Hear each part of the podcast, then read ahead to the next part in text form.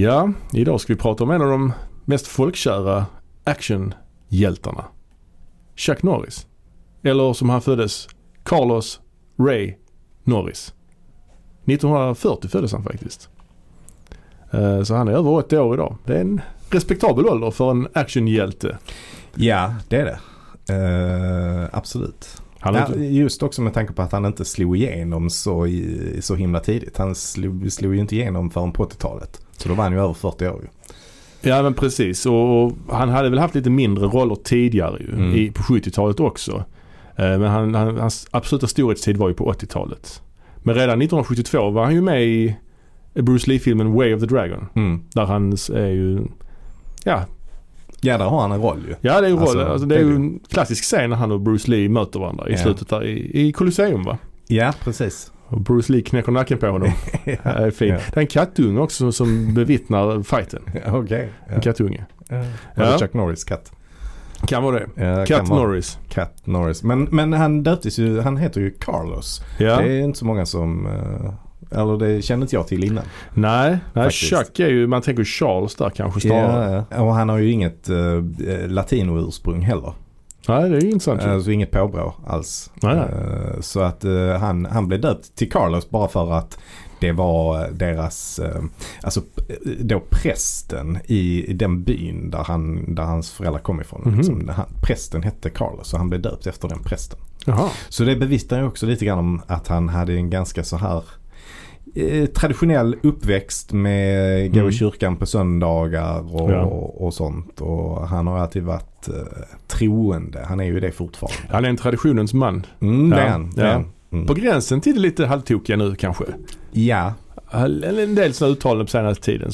Senare tider. Senaste. ja, jag har inte riktigt tänkt med han, Men han har nog aldrig, en, jag vet att han har alltid endorsat republikaner. Ja, men jag det, vet inte, har han endorsat Trump? Jag vet inte. Nej. Men, men det, han var ju, jag kommer ihåg att han varnade ju för Obama. Att Ja, om. Obama tog Ja. makten skulle USA kastas in i en era Mm. av mörker liksom. Mm. Så det är, Ja, ju, det har, han, det har han sagt ja. det är ju lite väl. Jag vet att han har, han har ställt sig bakom andra republikaner som är ganska så eh, Mm. eh, hår- hårt ute på högerkanten. Liksom. Ja. Alltså Mike Huckabee vet jag att han Ja, ja, ja. eh, endorsade. Ja, ja, ja. Eh, Ja, Vi ska ju inte prata så mycket om hans politiska liv utan vi ska ju prata om all, all konst han gett oss. exakt. Så, så att säga. Han har, han har inte bara gjort filmer, han har också faktiskt eh, skapat en egen sån här eh, kampsportsstil. ja, det har Känner du till det? Mm. Vet du vad den heter? Nej, Chuck Sudo kanske. Jag skulle vilja säga Shun Kuk Du. ja, så var det. Det heter det faktiskt. Ja, Shun Kuk Du. Just det. Påminner mig om Den universella stilen betyder det. ja dag betyder väl väg va? Ja. Mm. ja. Eh, ja det påminner lite grann om den här gamla syd, sydkoreanska fotbollsspelaren i, i eh, Mm. minns du det VM-albumet 1986? Shu Min Kuk. ja, Minns minns du? Ja, alla minns ja, det. Såklart. Alla som hade det albumet minns ja. Shu Min Kuk. Ja. Eh, ja, jag vet inte, är det någon slags kung fu-stil det här då eller är det? Nej, det är det inte. Aha. Alltså det är en... det, det, var ju, det var ju då så här liksom om vi tar hans, hans uppväxt. Mm. Eh, så, så var det, eller inte uppväxt, men, men han, han ville bli polis Mm. när han eh, så, gick, blev färdig i skolan och sånt. Ja. Eh, men men eh, han var bara 18 tror jag så att han kunde inte bli polis. Man var tvungen att vara äldre och sådär. Så han tog värvning i armén istället. Ah. Eller flygvapnet, det amerikanska flygvapnet. Så han blev militär och gjorde militärtjänst i Sydkorea. I fyra år var han i Sydkorea som Mm. eh, sån här militärpolis. Shu Min Kuks hemland. Just det, Ja. exakt. Och där kom han ju i kontakt med eh, kampsport. Så Ja. där lärde han sig då en koreansk variant av karate som Ah. heter Tang Soo Do. Aha, okej. Och senare skapade han då sin egen stil där han plockade eh, väl från olika stilar och så. Men under de här Mm. fyra åren så, så tränade han eh, liksom karate och judo varje dag. Och eh, blev riktigt bra. Tog, tog svart bälte där Ja. i, i Sydkorea. För Bruce Lee har ju också en egen stil ju. Uh, Ja, Jet har han. Can Do. Jet Kune Do. Ja. ja precis. Lite mer kung fu kanske. Ja, det, det, Ja. Det, det är jag ganska säker på. Ja. Men sen då när han åkte hem till USA igen eh, så öppnade han ju en karateskola. Ja, just det. och eh, började lära ut eh, sin egen variant av den här stilen. Mm. Och eh, den här karateskolan blev senare till en kedja av karateskolor och det gick, det gick ju rätt bra för honom. Ah, ja. Eh, men, men för att få, han hade inte, det var ju fortfarande, alltså tidigt 60-tal detta. Så det var ju fortfarande inte eh, household att eh, gå och träna karate. Nej, alltså, det måste vara väldigt eh, liksom, eh, tidigt. obskyrt. Ja, det, Ja. det var det. Mm, så, men i alla fall, sporten hade ändå kommit till USA. Eh, och det fanns ju tävlingar och sånt. Så han började åka på sådana här turneringar. Mm. Och eh, i början gick det inte jättebra för honom. Men, men sen under 60-talet så gick det bättre och bättre på tävlingarna. Och i slutet på 60-talet så blev han ju då faktiskt eh, eh, någon, någon slags eh, karatemästare liksom. Mhm, Han, eh, det var 68 så, så vinner han Professional Middleweight Karate Championship. Mm. Och eh, den titeln den behöll han ju i sex år. Obesegrad Oj, imponerande. som, som mästare. Mm. Tills han bestämde sig för att, för, att, för att sluta med det. Och under den här tiden så växte ju också han, hans skolor då till, till att Ja. bli en kedja. Eh, som, som fanns runt om på olika ställen. Men han höll till Mm. i Kalifornien. Och där började han ju också träna då lite kändisar och så. Ja, Steve McQueen bland annat va? Steve McQueen är ju den mest namnkunniga Ja. som, eh, som gick där. Men också Priscilla Presley. Ja, hon är också namnkunnig får man säga. Ja. Mm. Och hon, hennes make då, Alltså Elvis då. Elvis, han var ju en uh, hängiven eh, martial artist också. ja, det var han. Det var han. Han gjorde så moves ibland på, på scenen. jo, ja, verkligen, verkligen. Han hade svart bälte i karate tror jag. Ja, thank you very much. jag, jag har ju blått bälte i karate. Oh, Får jag väl säga, säga det igen? Ja. Det har jag redan nämnt Ja. en gång i vårt Karate Kid-avsnitt. Men ja. ja. så jag, Jag har ju rött bälte med två streck på. Ja, man har ju inte rött bälte i karate. Jag vet inte riktigt. Nej, men jag hade det då på, Ja. den, på den tiden. Ja. Men det var ett sånt, det var liksom röda ränder på det kan man säga. Mm. Som en polkagris. Så, ja, som en polkagris, Mm. ungefär. Polka. Det var ett, eller rätt sagt, det var ett vitt streck i mitten. Just det. Ja, ja det, finns är lite kanske, olika. men, men min stil hette Shotokan karate. Ja, men det gör min också. Ah, Eller okej. gjorde. Eller jag vet inte om jag, jag är inte så aktiv längre just nu. Nej. Men, eh. Ja, men det är ändå kul att, eh, att vi kan förenas i detta, vårt karate-intresse på ett sätt. Ja, ja verkligen. Eh, verkligen. ja, men han tränade ju precis. Priscilla, Priscilla och så då även såklart Bob Barker. alltså den gamle, vad är han, baseball? Nej, Nej, han är programledare. just det. Jag tänker på Bob Uecker. ja, okej. Mr Baseball. Skit i det. Men vet du vad han var programledare för? Nej. Det är inget man har sett, men The Price is Right. Ja. Men Det- jag, ja. Det är ju ändå en sån eh, ganska känd eh, Ja. eh, pro- underhållningsprogram. Men känner du till, du känner till, vad ska man kalla det för, föreningen, vad heter det? Ja, Sea Shepherd, känner du till dem? Sea Nej. Shepherd. Nej, vad betyder det? Sjö... Sjöfåraherdar. ja, men då, då är det ett, vad ska man kalla en förening, en organisation, mer, mer korrekt ord. Ja. En organisation som kämpar för Alltså valarnas eh, rätt, de är emot valjakt helt enkelt. Okej. Så de, Mm. Men lite som likt eh, Greenpeace gör de så gerillaaktioner mot olika valfartyg. Ja men det är möjligt. Jag såg precis en eh, dokumentär på Netflix som heter Seaspiracy. Ja, jag vet inte om de är med, jag har inte sett det. Men de är ju med, det finns ju, de hade en egen doku-serie Ah, okej. på typ, eh, vad heter den, Discovery Channel för många år sedan. Och Ja. de har två skepp ju. Två, Ja. två båtar. Hur ser de båtarna ut? Är de så... Svarta tror jag. Ja, de kanske. ser ganska aggressiva ut liksom. Ja, jag tror det var lite Alltså, så, de- lite så stealthiga liksom. Ja, ja. Jo, men det, jag tror det är de som figurerar i Ja. den också. En av de båtarna är i alla fall döpt efter Bob Barker just. Jaha. Jag Varför tror då? han kanske donerar pengar till dem. Ja, Och en annan, vet du vad den andra båten heter? jag får gissa. Mm. Chuck Norris. det hade ju varit spännande. Det, nej, eh, Steve Irving. Irving. Alltså. Alltså han krokodiljägaren. Ja. Ja. Men i alla Ja. fall, Bob Barker han tränar alltså karate hos Chuck Norris. Ja, och det är ju intressant eftersom Bob Barker figurerar ju i filmen Happy Gilmore. Ah. Där han slåss mot Adam Sandler och ger Adam Sandler på eh, nöten. ah, ja, ja. Mm. Och då, då är det ju Chuck Norris ju som, som faktiskt eh, ligger till grund för hans moves han gör där i, Ja, den, det är i den filmen. Så att ja, Ja, de ringar på vattnet liksom. Ja, kan man verkligen. säga det. Men, Ja. men Steve McQueen är ju eh, utan tvekan den, den stora celebriteten där som, som Mm. tränar där. Och det är också honom, han som tipsar honom att börja ta skådespelarlektioner för att få lite skådisjobb. Liksom. Men det sket han i, att ta lektioner. det kan man tro, men det, gjorde man han tro. faktiskt. Ja, han tog lektioner, ja. Han tog lektioner faktiskt. Ja. Eh, men, men det är också under de här karateturneringarna som han träffar Bruce Lee. ja. För Bruce Lee var ju aldrig själv med i någon sån turnering. Nej, just det. Det ville han ju inte såklart. Det men, him. ja, men, men, eh, men, men de träffades där och eh, blev goda vänner. Och började träna tillsammans och Mm. lite sånt där. Och dela med sig av sina moves och, och sådana saker. Och då erbjöd också Bruce honom att medverka i Way of the Dragon. Just det. Just det. 1972 var det Ja. Och där är han ju som sagt den här antagonisten kan man säga. Mm. Antagonistens liksom henchman, eller kan man säga det? Eh, ja, sånt. precis. Och då, det var ju så han fick in en fot i filmbranschen. Och, Precis. Han gör ju också en liten, liten roll. Mm. Innan dess gör han faktiskt en liten roll i filmen Mm. The Wrecking Crew. Ja, 1968. okej. Och det, det. det. den Mm. filmen har ju varit lite aktuell på senare år höll jag. Men, Mhm, varför nej, men den är, det är ju en film med hon uh, Sharon Tate är med i den filmen. Ah, Och- det är den ja. som figurerar i uh, Tarantino. Tarantinos eh, Ja. Hollywood-film där. Precis, det är den filmen som hon Mm. går och ser Ja, ja, ja. på sig själv. Mm. Det är alltså Mar- Mar- Margot Robbie går in på bio och tittar på den Mm. här filmen.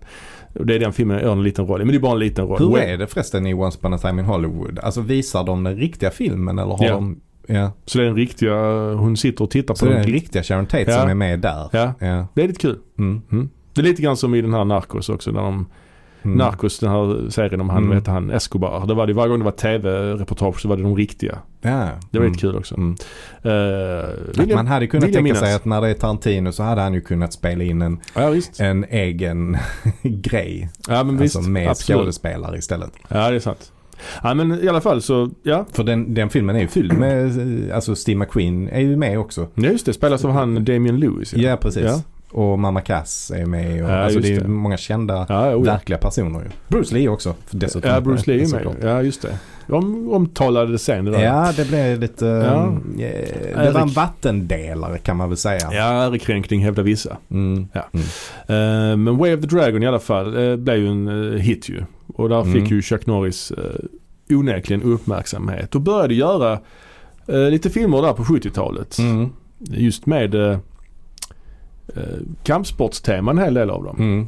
Och det var ju så, han bestämde sig ju verkligen för att eh, då, alltså efter att han var med i den här Bruce Lee-filmen så bestämde han sig för att men nu ska jag satsa på det här. Mm. Och då kunde han ju, även om han tog skådespelarlektioner och sånt så fick han ju bara erbjudanden att göra henchman-roller Mhm. och, och sånt där. Och, och han ville ju lite grann komma bort från det här att bara göra martial arts. Eh, han ville ju mer ha huvudroller och sånt. Eh, så, Ja. och, och, så det han gjorde då var att han liksom tog fram ett eget manus som han försökte eh, Sälja, sä- liksom. sälja Ja. in och eh, kunna vara med i. Mm. Ehm, och det tog ju ganska lång tid så jag tror det dröjde fram till 77 innan den, den filmen blev av. Och var det den Good Guys Wear Black då? Ja. Ehm, så att så att för att undvika att bli nischad och, och bara få den typen av roller så anlitade han då en manusförfattare att ta fram ett manus som han själv ägde som han skulle Mm. kunna spela huvudrollen i då. Eh, och det är ju beprövad, en beprövad metod. Eh, Sylvester Stallone gjorde ju något liknande Ja. kan man säga. Norris sa ju det att han, han, han sa att Bruce Lees filmer var karate med lite story i. Ja. Men han ville ha en film med mycket story och lite karate i. Mm. Enligt, Ja, precis. precis. Eh, mm, nej men så att där, där på 70-talet så gjorde han ju då eh, ett par filmer då. Ja. Eh, för ett mindre bolag som heter eh, American Cinema Productions. Ja. Är det va? Ja, precis. Eh, Och bland annat då gjorde han efter Good Guys Wear Black så gjorde han filmen A Force of One 1979. mm, Eh, Där, eh, där han faktiskt inte, han har inte liksom, han har huvudrollen men han, hans namn står inte först. nej, Eller den här kvinnliga huvudrollen, eller kvinnliga rollen spelas av eh, Jennifer O'Neill. Mhm. Hon får, eh, Mm. hennes namn står först i eftertexterna. Okej. Fast hon är inte med på omslaget. Det är ju Chuck Norris, alltså det är ju bara han ju. Ja det är det. Så det är lite ja. konstigt det där. Mm, det Men det, det är en polisfilm med karateinslag. Mm. Det är en slags ganska intressant story. Det är, det är en seriemördare som mördar poliser. Mhm. Med karate. Okej. Ja, Så då anlitar de Chuck Norris med karatetränare då så ska han då ta reda på vem det är. ja. Så ja. polisen börjar samarbeta med honom. Så han, han är ju så här karate, tävlar i karate fast det är inte, det är liksom någon slags MMA, eh, liksom, liksom vad ska Mm. man säga, någon slags eh, föregångare till MMA för det är liksom typ martial arts i en boxningsring Mhm. som han tävlar i. Ja. Eh, ja, rätt eh, intressant, eh, intressant eh, film faktiskt. Det är Mm. två sporter som framhävs mycket här och det är karate men också mycket skateboard. Det är någon sån här skateboard drug deal. Jaha. Så är det någon slags, eh, de, polisen spanar på någon sån skateboardåkare. Ja, Sjukt ja. att de lyckas aldrig, nästan aldrig filma skateboarden. De filmar liksom bara att han rullar fram, man får aldrig se brädan. Det, är- det är jättekonstigt. Ja, ja. Ehm, sen är ja, det är ett par, eh, Charles Cyphers som vi pratade om tidigare, som Ja. är med, han är med lite grann i, i den här också faktiskt. Ehm, men det är, det är lustig, lustig eh, story där att det är liksom karateseriemördare. Samma manusförfattare till, som till filmen Shaft faktiskt. ja, ja. Ja. Eh, och eh, det intressanta här då, han som skrev den heter um, Ernest Tidyman. Och han sa, enligt vad jag läser på Wikipedia då, Mm. så sa, han att han gjorde det, det manuset som ett beställningsjobb. För att han skulle kunna köpa ett hus till sin mamma. Alltså han var inte så nöjd med det. Man gjorde det bara som ett beställningsjobb. Men jag tycker Ja, den är rätt skön, ja. 70-talsmusik som Ja. påminner om Shaft. De har Ja. väldigt skön, skön stil. Chuck Norris med mustasch och vet, stora Ja, kragar och coola bilar och skinnjackor Ja. och så Adidas overaller. Alltså det är, det är rätt cool, eh, Ja. cool estetik liksom. Ja. Och, och sen den tredje filmen han gjorde för America's Cinema Productions var Mm. ju då The Octagon. Mm. Och där tänker man, The, Octagon är ju ett rätt känt begrepp idag när det, Mm. eftersom UFC är, ju i, det kallas ju för The Octagon. Ja det är en åttakant. Ja, Ja. precis. Men Octagon. denna här har ju, ing, alltså det har ju ingenting med det att göra ju.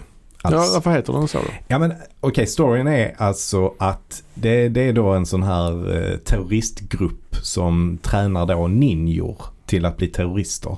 Hmm. Så bara där är vi ju... Bara där är jag såld. ja, exakt. Ja. Ja. ja men de tränas då i en eh, slags eh, fästning av något slag. Alltså typ något träbygge. Jaha. Som är byggd som en oktagon. Ja okej. Lite som Pentagon. Ja, ja, ja. Alltså Ja, fast ja. detta är en oktagon istället. Ja, ja men då har du ändå någonting med... Ja, med, med en oktagon har det att göra. Ja, men det är det är ju ingen, det är ingen så, alltså arena riktigt på det sättet. Du är konstigt inte någonting alls med ja, så. det, det hade varit riktigt eh, märkligt. Men, men så att där är det liksom terroristernas högkvarter. Det befinner sig i en byggnad som är byggd som en oktagon. Mm. Ehm, och eh, ja, det är ju en ganska märklig film det med ninja-terrorister. Ehm, men, men terrorister blir ju ändå ett centralt tema i Mm. eh, Chuck Norris eh, filmografi Det blir får sannolikt. man säga. Ja. För att det är, det är ganska mycket som kretsar kring just hotet från terrorister. Man kan också säga att han övergår lite mer och mer, alltså han går från karate Mm. till lite mer pang-pang. Ja, Allt eftersom hans karriär fortskrider. ja, och det var ju ett eh, det var ju ett medvetet val för det var Ja. ju verkligen det han, eh, det var det han ville göra. Ja. Ehm, men i alla fall de här filmerna går väldigt bra. Ja. Alltså de kostar inte mycket att spela in men de, eh, de, de går väldigt bra på, Mm. på bio. Absolut. Och de här America Cinema Production de uppfann ju också ett nytt sätt att distribuera film. Ja, just det. Eh, som kallas för forwalling och det var inget jag Mm. kände till sen tidigare men det, det kallar man alltså. Och då Mm. innebär det helt enkelt att man hyr biosalongen Mm. och så får man alla intäkterna för biljetterna. Medan biosalongen då får alla intäkter från godis och läsk och sånt som säljs. Eh, Mm. Eh, vilket ju är ganska omständigt för det, det, det, det, är, det är mycket smidigare liksom att låta biografkedjorna själva sköta distributionen. Men, men det här är ett sätt att få in snabba pengar på ett annat sätt ju.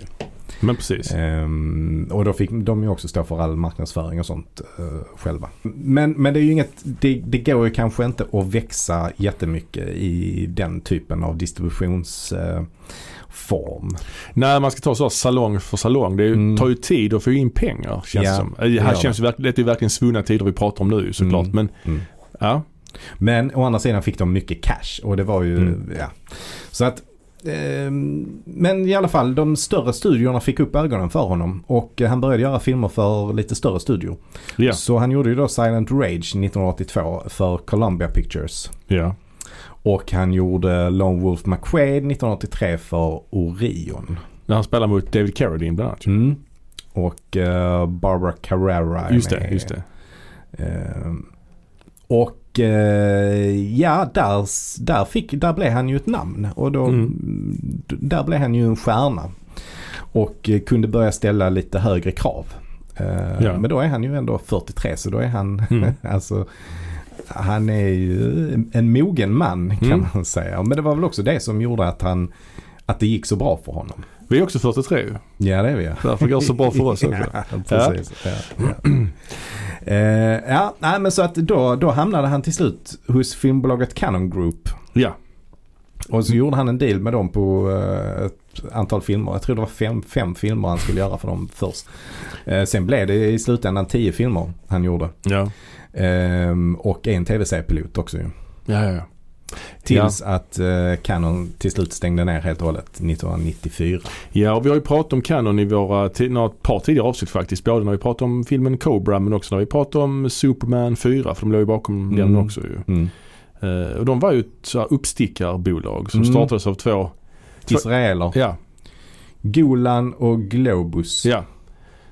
Och de eh, ja, producerade, ibland regisserade och skrev Mm. manus till en del filmer. Ja, det var han Golan som han Ja. regisserade. Han, han var ju filmare i grunden kan man väl kanske säga. Eller han hade i alla fall gjort ganska mycket i Ja. Israel då.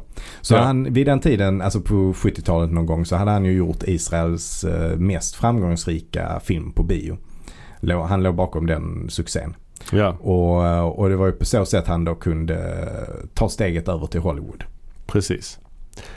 Och då köpte de det här bolaget Canon. Ja. Och, eh, och ja, de, eh, de hade ju ett ganska, eh, ganska enkelt koncept från början ju. Och det Mm. var ju att eh, Gör action med Chuck Norris.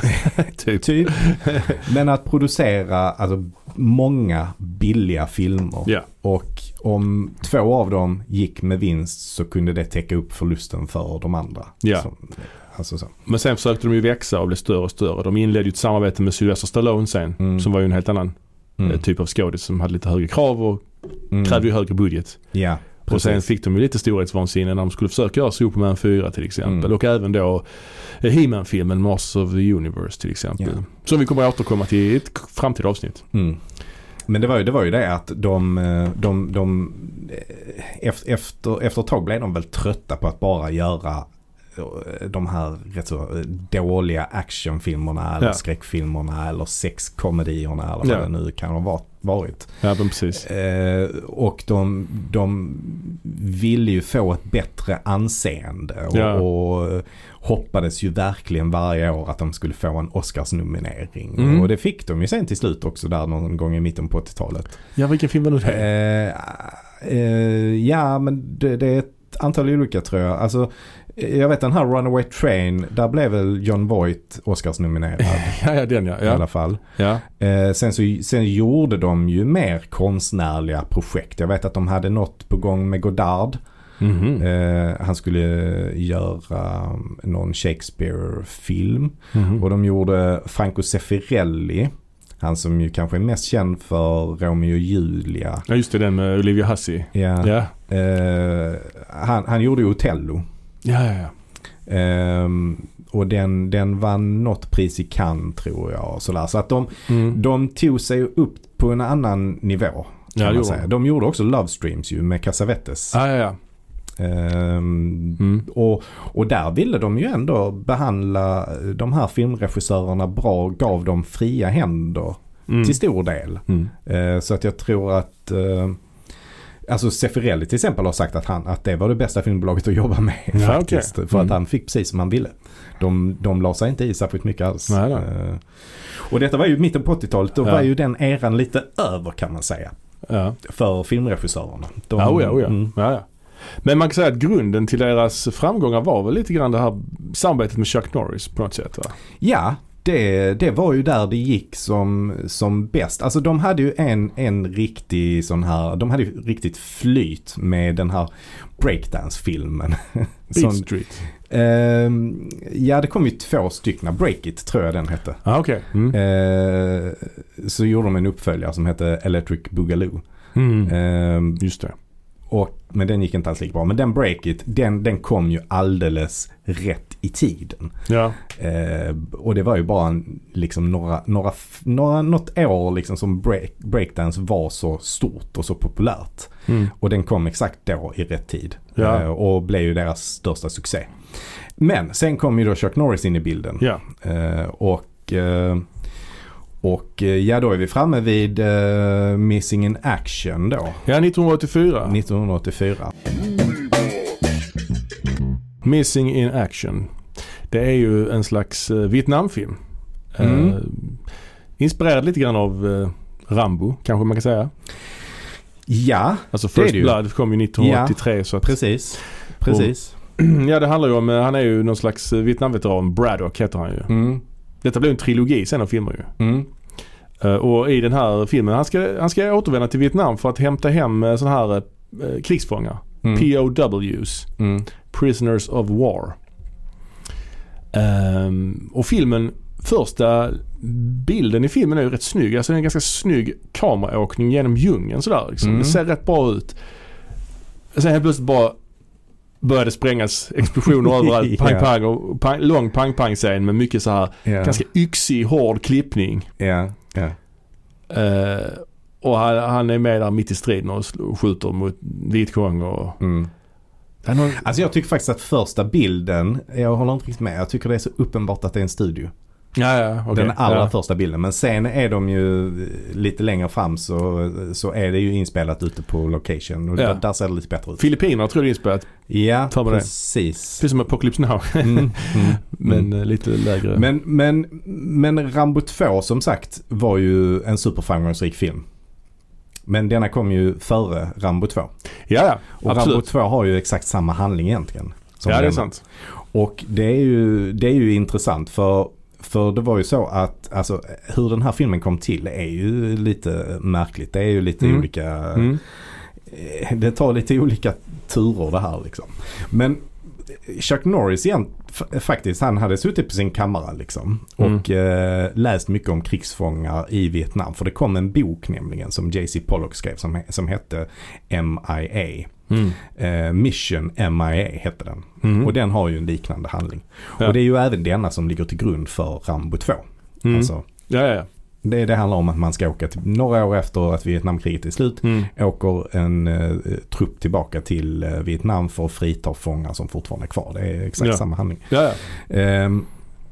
Men, men Chuck i alla fall, han, dels hade han själv varit militär så han är ju, eh, han gillar ju det väldigt, eller inte Mm. gillar men alltså han är, det ligger i hans blod att, Mm. eh, Mm. så, att vara det militära liksom. Eh, och dessutom så hans bror Ja. hade ju omkommit i Vietnam. Ja. Blivit dödad i Vietnam. Tidigt 70-tal där. Mm. Mm. Precis. Så han ville göra någonting som skulle kunna hedra minnet av hans bror då. Ja. Eh, så att han, han eh, tog kontakt med en eh, manusförfattare eh, som han kände sen, eh, sen gammalt. James Bruner i alla fall. Mm. Eh, Så han, han eh, liksom tog fram ett manus tillsammans med honom där de workshoppade lite och det var James Bruner som skrev det och så. Men, Mm. men Chuck var väldigt involverad i det. Mm. Och sen så gick han då runt och skulle försöka få det här att bli eh, producerat. Och alla de stora studierna tackade nej till det. Eh, Men så kom man då till Canon. Mm. Och, och de var jätteivriga att signa ett kontrakt med Chuck Norris Mm. om att göra den här filmen. Så då gjorde de det också. Men då visade det sig att de hade redan ett annat manus. Mm. För då hade Stallone också varit eh, hos dem och pitchat den här idén tidigare. Det hade aldrig blivit någonting där med Rambo 2 som han sen gjorde för en, med en annan studio. Eh, men då hade de ändå fått den idén och sen hade de liksom tagit fram ett manus på egen hand. Ja. I, med samma då. Eh, och då var det då den här eh, Lance Hool som, som typ ägde det här manuset kan man Ja, säga. okej. Så han var, han var involverad som producent och regissör Mm. eh, till den här filmen. Så då blev den filmen av och James Bruner då, manusförfattaren, han blev såklart ledsen för att han, hans, det blev inte hans manus som skulle filmatiseras men han fick ju ändå betalt och sådär. ja. Vet du som skrev manuset till Rambo 2 då? Nej. James Cameron. Det gjorde han? Ja, Ja, okej. Det, det, ja. är- det är sjukt. ja, det är sjukt. Ja. Ja. Han har många järn i elden Ja, faktiskt. får man säga. Cameron. man säga. Eh, ja, nej, men så de, de stack då iväg eh, och spelade in filmen. Och sen så kom ju då eh, kom ju Canon Group då. De kom ju på att shit, det här funkar inte. Det är en film är alldeles för lite. Vi måste göra två filmer. Just det. Ja.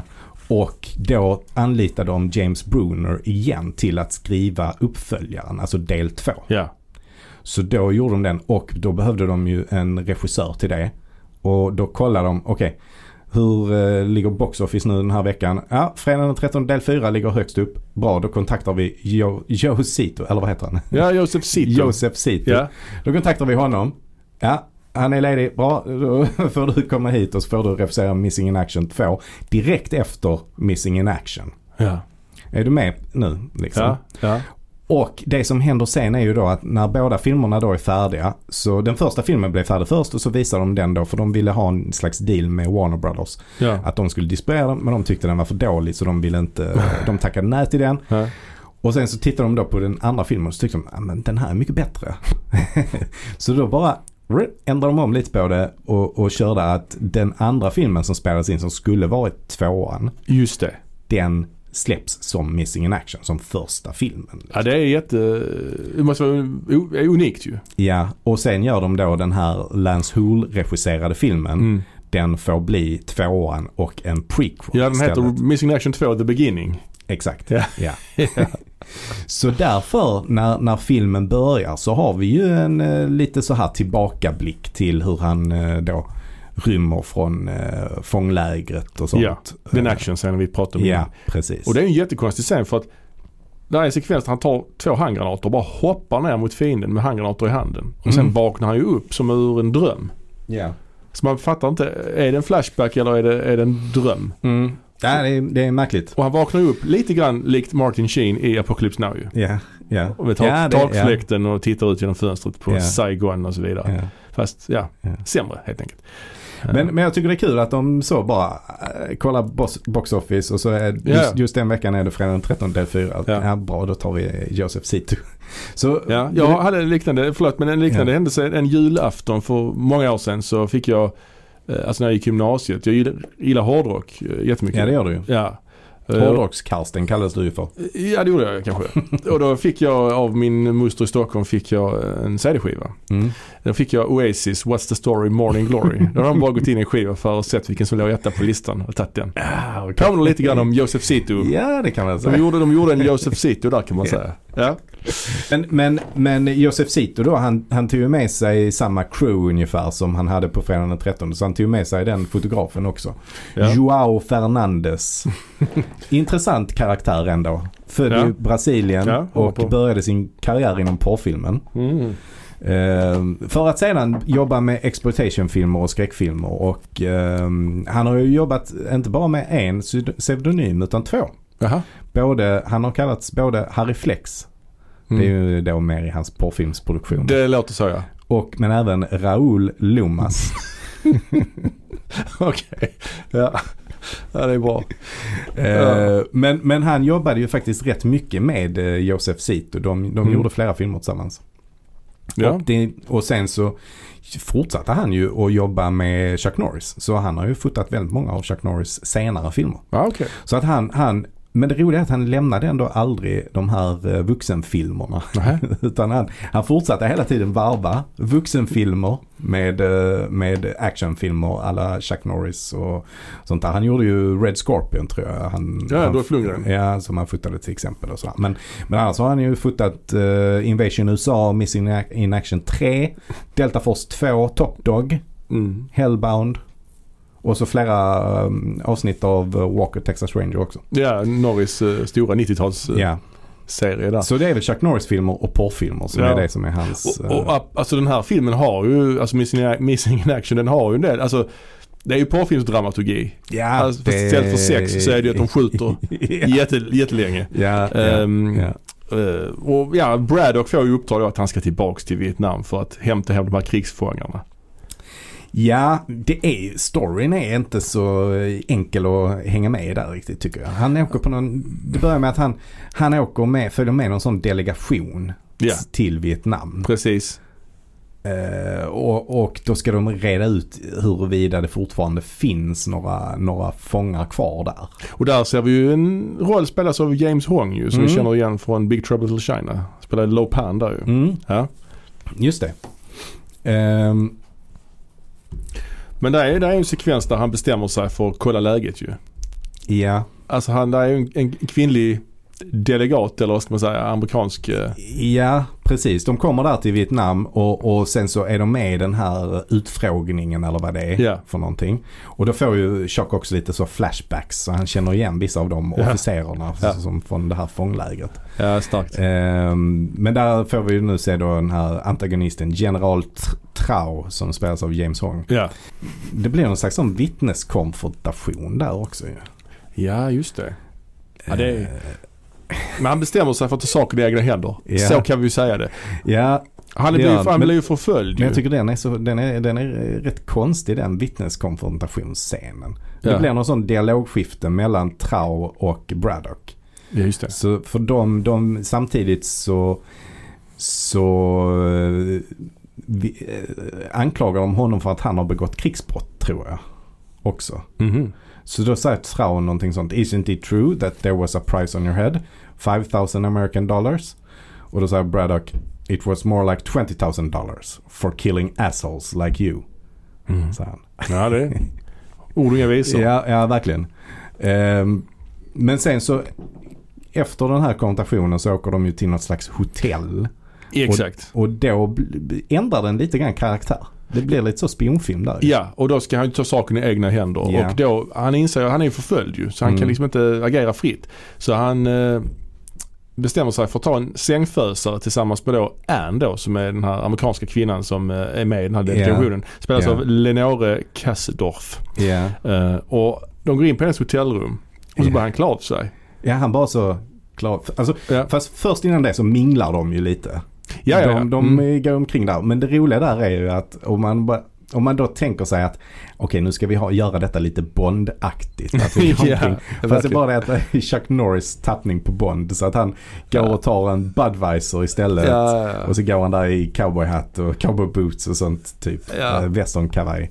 Liksom. Ja. Istället för en martini så tar han en Budweiser. Är där, där det på rummet så börjar han klä av sig och hon undrar vad håller du på med? Ja, Men eh, då är det ju så att han byter han ska byta om ju. Ja. Till sin nattdräkt. ja precis. Så säger han det att han ska ut på stan och kolla hur Saigon har förändrats sen Mm. kriget. Mm.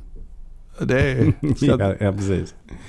Eh, ja, han byter om där till sådana stealth-kläder och så börjar han klättra ut på balkongen. Ja. Eh, och så smyger han sig då in i grannhuset för att spionera där på Ja. någonting. Eh, och där inne så dödar han ju general, general Trau med en kastkniv. ja. Eh, och så får han då försöka fly eh, tillbaka till sitt hotellrum för då blir han ju jagad. ja, det är så Eh, sjukt. Ja, men det är ändå rätt, rätt bra eh, stunts där ju tycker jag. Jo det är det ju. Han klättrar upp på husfasaden in på Ja. rummet. Ja, Och precis innan de hinner stört in i rummet, hur de nu hittar det rummet. ja. Så tar ju, tar ju den här kvinnan och bara sliter av henne kläderna. Och lägger sig i sängen med henne som om de är ett par. För att, ja. ska, för, för, för att maskera det hela. Ja, för att låtsas att han har legat och sovit Mm. hela natten. Det är så sjukt. Ja, det är så sjukt. Men sen då så inleds ju själva huvuduppdraget Ja. när han ska rädda de här fångarna. ja. Och då åker han ju till en Old Army Buddy. Eh, Ja. Som nu är någon slags sån vapenhandlare på svarta marknaden i Thailand då. Så han åker till Thailand. Just det. Eh, Till någon form av strippklubb. Ja, precis. Och den scenen är också så, så, så, så sjuk. Nattlivet i Bangkok där. Alltså det är så, det är riktigt skön scen när Chuck bara så går på gatorna och, och fo- folk står bara och dansar så här till någon sån jäkligt skum, men det är någon Electric Boogie musik. Alltså typ eh, du, du, du, du, du, sån konstig. Ehm, och så alla är skitunga där också. De ser ut som barn ju, tycker jag. Mm. I den scenen. Det är jätte, Det jättemärkligt. är bara för Chuck ser så gammal ut kanske. Ja, kanske. Det kanske är den eh, Han är ju en hårig, kontrasten. hårig hjälte. Ja, då frågar han i barn därefter. Jack Tucker, det är den gamla Army Buddyn. Och han spelas ju av M. Emmet Walsh. Ja, han är ju ett sånt namn. Han är med i Blood Simple ju. Mm, Blood Simple Han är med i. Blood Simple, Just det. så det. Just det. Mm. Och han spelar ju, ja precis, någon slags sidekick. Till Ja. honom blir han ju. Lite comic relief. Liksom. Ja, och vad är det då? Det ultimata plagget för en fryntlig sidekick. ja, det är hawaiiskjorta. Hawaiiskjorta ja. keps Alltid hawaiiskjorta. Ja. Eh, Och keps. ja, och keps. Hawaiiskjorta och keps. Ja. Ja. det är bra. Ja, men, men eh, de här vietnamesiska agenterna de för, förföljer ju Chuck och försöker hindra honom ju såklart. Ja, Och så blir det ju en vild eh, biljakt där i, i hamnen. just det. Men Chuck kan klara sig. Han kastar sig i vattnet och hoppar upp på båten i sista stund. Och, och, och sen där är det ju också, de lyckas ju ta sig in på båten och attackera honom där också. Så det blir en sån show, showdown med, med han Vin, den där som han hade såna som man kände igen från, Just det, just från det. tiden han satt fängslad. De fixar ju också en, en riktigt sån sjuk styrkemätarscen mellan Vin och Chuck Norris. När de står så, de har, de har kniv som båda håller i. ja just det, just så, det. äh, håller de på ja, och till slut så visar sig att Chuck är lite starkare. så, Såklart. ja. De fixar ju också en eh, sån här speciell båt de ska ha med sig in när de ska in i det här i djungeln. Ja, Och eh, för att demonstrera hur bra båten är så tar ju försäljaren fram ett maskingevär och bara skjuter på båten och ingenting händer. För det är en kevlarbåt. ja wow. Kevlarbåt. Kevlar. Nice. Så att det händer Ja. ingenting när man skjuter Ja. med maskingevärseld från en meters avstånd. Ja. ja, och sen är vi då framme vid själva finalen kan man väl säga. Som då innebär att Chuck ska ta sig in i det här eh, fånglägret. Ja, och då spränger han ju väldigt mycket saker och skjuter jättemycket. Och Mm. Ja. dödar jättemånga. Spänningen, Det- är, spänningen är Olidlig. Ja, Ja. blir ju faktiskt ingen spänning. Nej. Alltså han möter ju inget motstånd. Det är ju det typiska så här 80-tals action-syndromet fast nästan värre. Ja. Det finns ju ingen som kan möta sig med, med honom. nej, nej. Så det blir lite inflation här i maskingevärseld. Ja, men när han tar sig in i läget så visar det sig att fångarna är ju inte där. De har ju transporterats vidare någon annanstans. Ja, så det. där blir det en liten sån setback för honom. Ja, Eh, så då får han ju åka vidare med båten igen. ja. Och så blir det som att det blir en upprepning på exakt samma sak. ja det är ju det Egentligen. som är problemet. Att det är ju det. Det blir Mm. inflation i det här att de står och matar maskingevärsskott. Håller, Mm. håller maskingeväret i midjehöjd och bara står och skjuter. Ja, ja exakt. Det är mycket skjuta från höften i den här filmen. Alltså. literally. Men där är ju ändå klassiska scener som när Chuck bara i slow motion dyker upp ur vattnet och skjuter med, med alltså en kulspruta är det ju. Ja, ja. Eh, från höften och bara mejar ner alla vietnameser i slow motion. Ja, Och de, trillar, de är på, på en båt och trillar bara i vattnet. Och, ja, ja. eh, Oh, ja. Vissa och det trillar lite tidigt och sånt. Ja, och det sprängs. Och. Men jag menar så, bara en sån, alltså maskin, att, att skjuta med ett maskingevär från höften var ju något som, eh, ja det populariserades ju otroligt mycket på 80-talet. Ja, det var stort. Vilket ju inte går egentligen. Nej, det är svårt. du måste ha den där på en ställning. Ja, alltså. det är rätt så kraftig rekyl. Ja, ja, ja, precis. Eh, Men så säger han då, att han får tag på de här fångarna och så säger han You're going home. Och så frågar de We're going home? You damn right. ja. Det är bra, det är bra, bra. eh, manusförfattande. ja, och han uh, Hawaii-killen, alltså Mm. Mehmet Walsh, han offrar sig ju. Mm. Han står ju också och skjuter med i och för sig maskingevär på ställning. Det är också lite otydligt där hur, Mm. han, hur han dör, men han Mm. sprängs väl. Mm. Han håller liksom, Ja men det gör han ju. han håller ut där liksom. Mm. Så att de andra kan fly medan han står och pepprar. Och så kommer en helikopter och hämtar dem. Ja. Och där har vi en rätt nice eh, stuntscen. Mm. Alltså den är ändå... Ja det är Chuck som gör den själv ju. När han uh, hänger... Han, då hänger, alltså alla, alla fångarna kommer Mm. upp på helikoptern och Chuck kommer sist och då hänger han i ett rep ne- nedanför helikoptern. Just det, just det. Och heliko- där är ju inga säkerhetslinor eller någonting sånt. Nej, nej, nej. Kör ändå, är ändå rätt högt uppe alltså. Ja, ja, det är imponerande Eh, faktiskt. Ja, faktiskt. Just helikoptern landar de med helikoptern mitt i Saigon på en gata typ. Det är också Ja. rätt snyggt. Ja. Alltså rätt Ja. snyggt just här. Och, så, och då, precis utanför det här, eh, vad heter det? Rätt, vad heter det? Ja, de har något sånt förhörsrum. Ja, liksom. domstolen. Alltså där, ja precis. Och där går, så går han in där med en fånge. Mm. Och sen så Mm. bara när han kommer in, kommer in, kommer de in mitt i förhöret där de sitter och säger att ah, det finns inga bevis för krigsfångar i, i Vietnam. Mm. Och så kommer de in och så bara stillbild. Mm. Slut. Ja, ja. Det är, det är jättekonstigt. Liksom, Ja. Mitt i förhöret kommer man in med en fånge för att visa att det finns. Och så Ja, bara frys, fryser de bilden slut bara. Ja. Ja det, det är Ja, märkligt. Abrupt. Jag, jag tycker det är lite abrupt. Eh, Det blir lite antiklimax där i, i slutet faktiskt. Ja. Men, eh, men syftet med filmen är ju, är ju redan över liksom. Så att man kan bara avsluta det här så fort som möjligt. Känns det Ja men de precis. Ja, men det är en sån film där de, ja, skjutandet är liksom Mm. syftet med filmen. Mm. När, när skjutandet är över så ja, då kan vi bara knyta ihop storyn lite snabbt sådär bara. Mm. Lite Mm. så. Ja. Men, men eh, ja, i övrigt så kan man säga att alltså, Chuck Norris här, han är ju, han visar ju inte riktigt något prov på någon större skådespelartalang. Nej det gör han verkligen Han är inte. ju otroligt nollställd och stoisk hela filmen. verkligen. Alltså verkligen. han levererar replikerna lite som en robot. Ja, jag är förvånad. Eller så, det är ju manuset kanske inte är det är inte David Mamet Nej, som har skrivit det. nej. Men om man jämför med A Force of One till exempel. En tid, Mm. tidigare från 79. Där är han Mm. faktiskt betydligt bättre. Han är ju inte så att säga bra. Mm. Men där har han lite mer att jobba med känns det som. Ja, en av hans bästa filmer tycker jag är Lone Wolf McQuaid. Mhm. Den Mhm. är ändå rätt bra liksom. Ja, ja. Det är ju den också som senare blev till grunden för Texas, eh, eller Walker Texas Ranger. Mm. Eh, det är ju, Orion Pictures ägde ju den rättigheten till den karaktären så därför kunde inte serien heta McQuaid. Nej, nej, nej. Det skulle nej. den gjort egentligen. Men, Nej, precis. men, men eh, därför fick de hitta på en ny karaktär. Men Ja. i alla fall, där, där har man ändå byggt upp en karaktär på ett helt annat sätt. Alltså Ja. han har en bakgrund, han har en dotter och en exfru och han har något slags alkoholproblem. Alltså det finns ändå lite Mm. olika saker. Han, Mm. han bor som en loner ute på någon eh, jävla sunkigt ställe liksom. Ehm, så där finns det mycket mer att jobba med.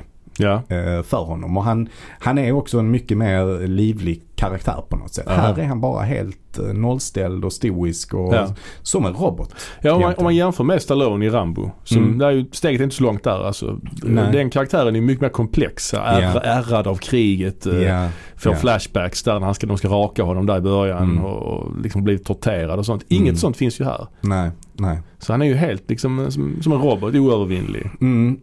Och även om, han, även om vi får se att han har lite mardrömmar och sånt Mm. så upplever man inte det som en svaghet. Nej, nej. Medans Stallone och Rambo där finns det ju ändå tydliga Ja, ja. problem och, och svagheter hos den karaktären. Ja, för i hans mardrömmar så att säga, där är ju bara att han är oövervinnlig och dödar Ja, folk. ja. Så att han har ju ja. övertaget även i sina mardrömmar. Ja, ja. ja, så att han är, han är, han är grym. Eh, nej, men det, jag tycker att det gör att inledningen, alltså de två första akterna känns rätt sega.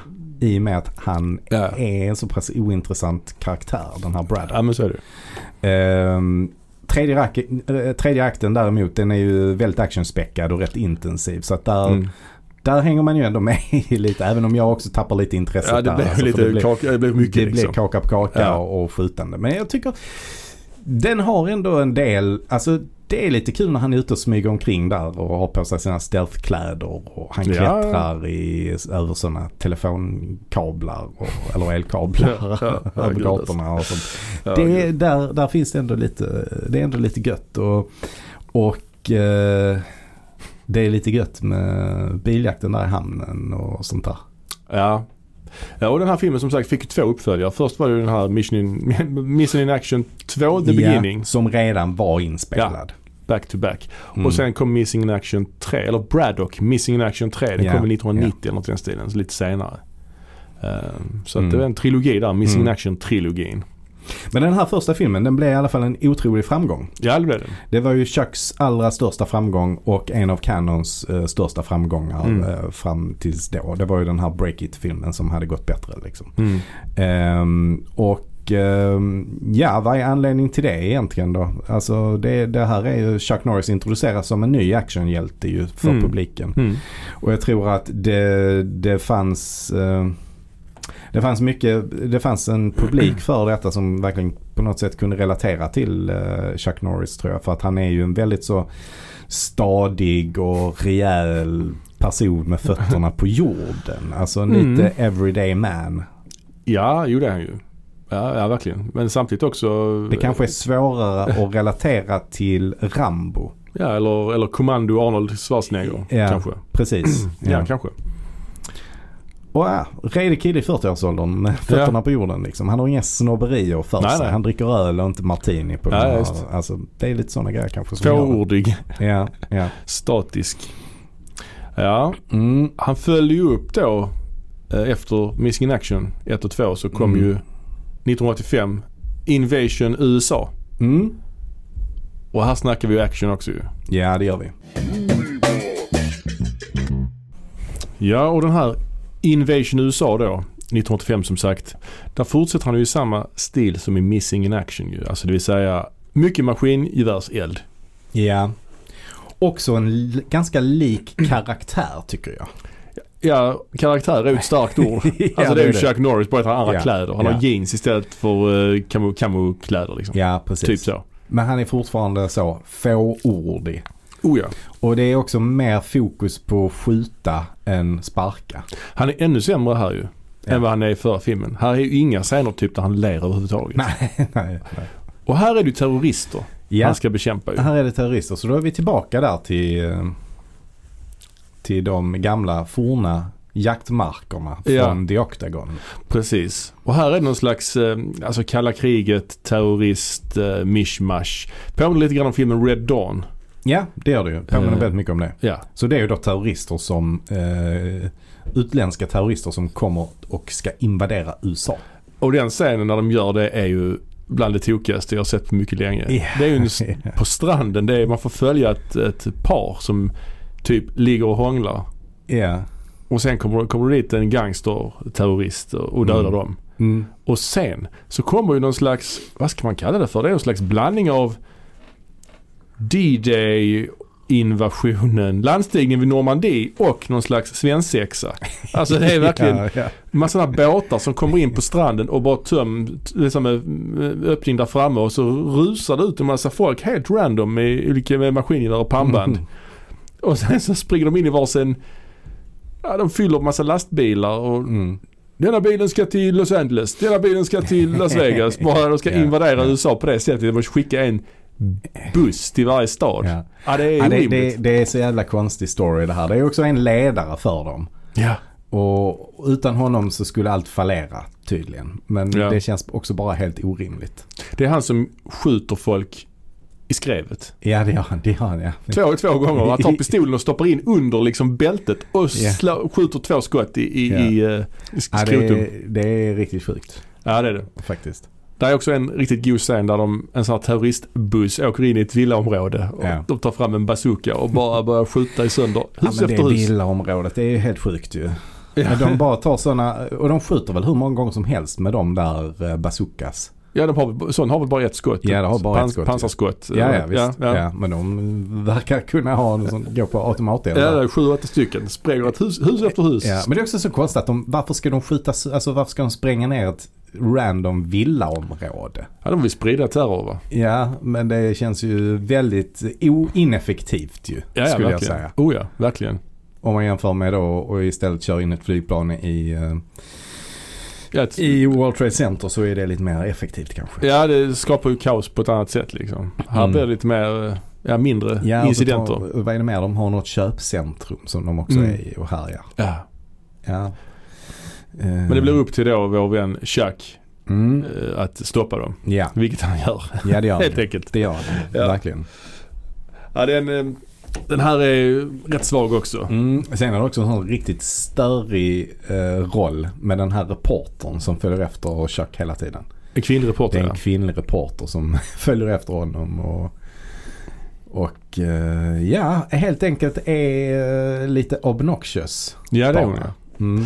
Den här filmen är också regisserad av Josef Sito förresten. Mm. Så det är ju Mm. ytterligare en av hans verk. Ja, precis. Ja, men han, han hittade väl hem där lite grann Mm. hos, eh, hos Canon Group. Eh, Manuset skrivet av Chuck här faktiskt tillsammans med James Bruner. Bruner. ja, Mm. precis. Den här filmen blev inte lika framgångsrik. Den här var ju betydligt dyrare. Den här kostade ju 12 miljoner. ja, ja. Spelade endast in Mm. mm. 17,5 så att Mm. det är ju på gränsen där 17 och alltså. halv, ja. Det är, Ja, Det som var bra med Missing in Action-filmerna var ju dels att eh, de inte kostade så mycket att spela in för man gjorde ju två samtidigt Ja. ungefär. Eh, Så att budgeten, jag tror att budgeten för den var 3 miljoner, alltså Mm. den första filmen. mm. Och den spelade in över 22 miljoner. Ja. Eh, Så att det var ju verkligen en framgång där ju. Mm. Ehm, Men Invasion USA den, den befäster ju ändå Chucks roll som actionhjälte ännu mer. ja, det gör den ju.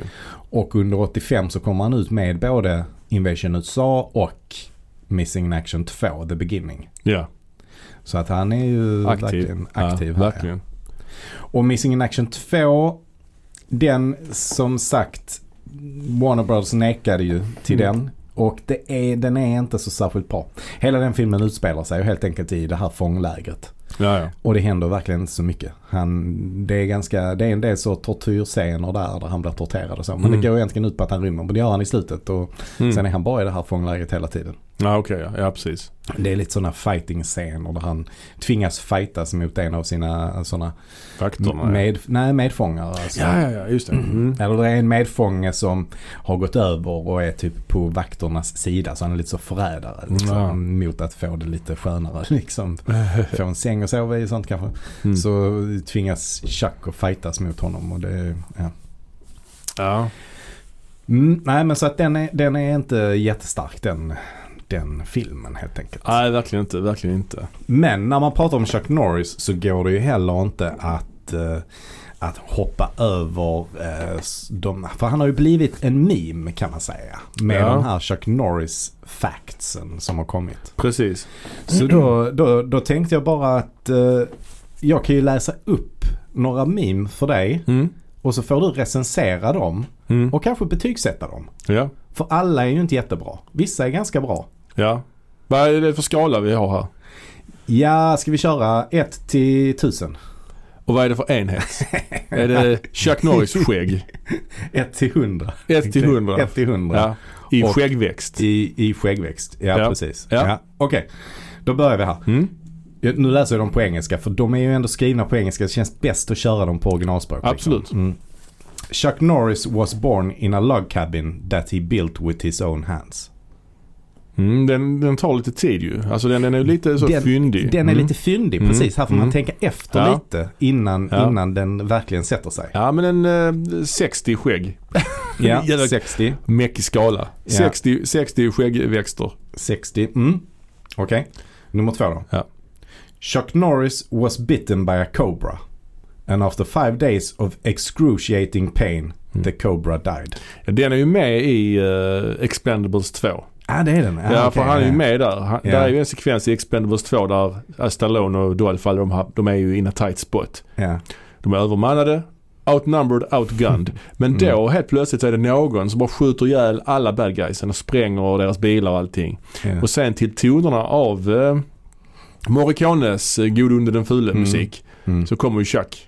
Ja, ja, ja. Och då berättar de, då snackar de, berätt, säger han ju det ju. Eller så I heard you were dead, säger Dolph. Och då säger han exakt den ju. ja, okej. Och han heter också McQuaid tror jag. Eller, nej, ja, de, alltså you heard you're a, you're a lone wolf. Fast det är mycket referenser Ja, där liksom. ja, ja, Ja, men den är bra. Den är bra. Den, den är helt klart en eh, 80 av 100 här ja. Mm. på den här skalan.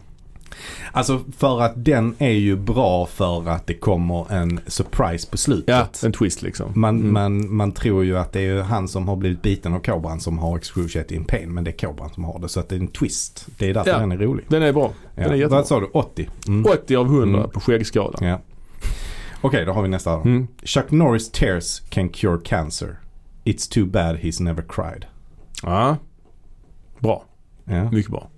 Också där i den häraden 80-85 där. Ty, tycker du det alltså? Ja. Nej, det- Ja. nej för jag tar tillbaka det. Den är ändå lite olustig. Alltså man, det är kanske ett, inte Ja. lika bra ämne att skämta om sådär. Nej, För precis. det innebär att Chuck då liksom hade kunnat rädda många liv men inte gör det. Ja, Hade, precis. hade han kunnat gråta då så hade han ju... Ja den är svårare. Den, jag tycker också den är lite Ja. Mm. mm, Nej, femma. bitterljuv kan Mi- man mitten kanske på säga. skalan, 50 av 100 här Mm. på, på skäggskalan. Mm. Så. Ja, Ja, bitterljuv var det precis. ja. okej men Chuck Norris doesn't read books. He stares them down until he gets the information he wants. Mm. Nej, det var inte bra. Tycker du inte? Nej, jag tycker Men jag den kanske är... levererar den fel. Mm. Chuck Norris doesn't read books. He stares them down until he gets the information he wants. Ja, du måste nog poängtera. He doesn't read books. He stares them down. Kanske. Okej. Chuck Norris... ja, du behöver inte köra det igen. Men den är okej, den är ganska bra då. 50 av 100. Ja. Ehm. Okej då. Nu kommer min favorit. Ja. Du ska ju inte säga innan. Det- det- Ja, kör. Okej. There is no chin behind Chuck Norris's beard. There is only another fist. Ja, den är rolig.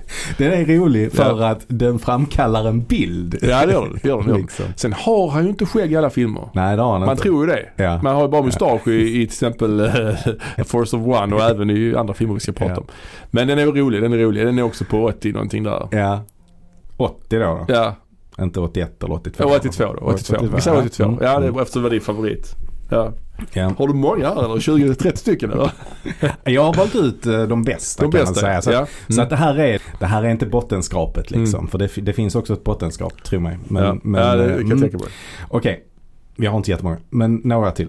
Okej, Chuck Norris grinds his coffee with his teeth and boils the water with his rage. Mm. Nej, nej det är för mycket så hushållsarbete. Nej, Men om man bara sätter sig in i Ja. att han, när han ska dricka kaffe så maler han bönorna med tänderna och sen så får han vattnet att koka av sin oerhörda ilska. samtidigt Den så är är, han... den är, den är, Mm, Jag tycker den här, är, den här är bra för att den är lite poetisk. det är den. Det är den den. är inte så rolig Nej. men den är kanske vacker mer. Ja den är vacker men han, nu tänker jag efter den och ser hans filmer så, hans rage är ju ganska, han är ju ganska in, alltså han, Ja. han visar ju inga känslor. så att, jag vet inte. Nej, Nej den, är inte, den är inte helt kompatibel Nej. med Chuck Norris kanske. Nej, kanske Vad sätter du då? 40 ja, men någonting? 40 någonting där på den ja, precis. 42. får den 42, bli. 43 Ja. och sånt ja. Mm. Okej. Här är en annan favorit faktiskt. Mhm. Lite annan tematik kan man säga. Ja. Men ändå en favorit. Ja. Giraffes were created when Chuck Norris uppercut a horse. Det är så jävla långsökt. Va? Då, då måste man verkligen ha suttit och försökt anstränga sig att komma på en... Men den här är också bra för att man får Man tänka får tillbaka lite. Man får en Mm. bild. Alltså han, okej, han, han gör en uppercut på en häst. Ja, jag skulle vilja att man utvecklar den varför han uppercuttade en häst. Ja. Alltså sådär. Ja, ja, det vill man gärna veta. Det är ju så att den här väcker ju också Ja, lite att man skulle, fantasi. man skulle förlängt den. I, Mm. Han uppercuttade en häst när han liksom ja. bla bla bla. Jag kommer inte ihåg. Men i den här formen, Mm. Vad får den då? Ja men en sexa, alltså 60, Mm. 62 kanske. 62 då. 62, Mm. 63. Så. Ja. Okej, här har vi den sista. Ja. Chuck Norris makes onions cry. ja, den är bra. Den, ja, är, den är faktiskt jättebra. den är bra ja. Ja, jag tror det här är 90, 93. 93. Ja, det är det bästa Mm. hittills. Ja. Den Ja. är så, den är enkel Mm. och tydlig. Okej, så det, det var den bästa. Ja, det är helt klart den bästa. Nummer två på din lista, det är min favorit. There's no chin behind Chuck Norris' beard. There's only another fist. Mm. Och på bronsplatsen har vi Chuck Norris was bitten by a cobra and after five days of excruciating pain the Mm. cobra died. Ja.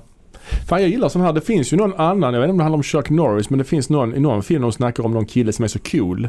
Mm. Han är så cool så när fåren ska gå och lägga sig så räknar de honom.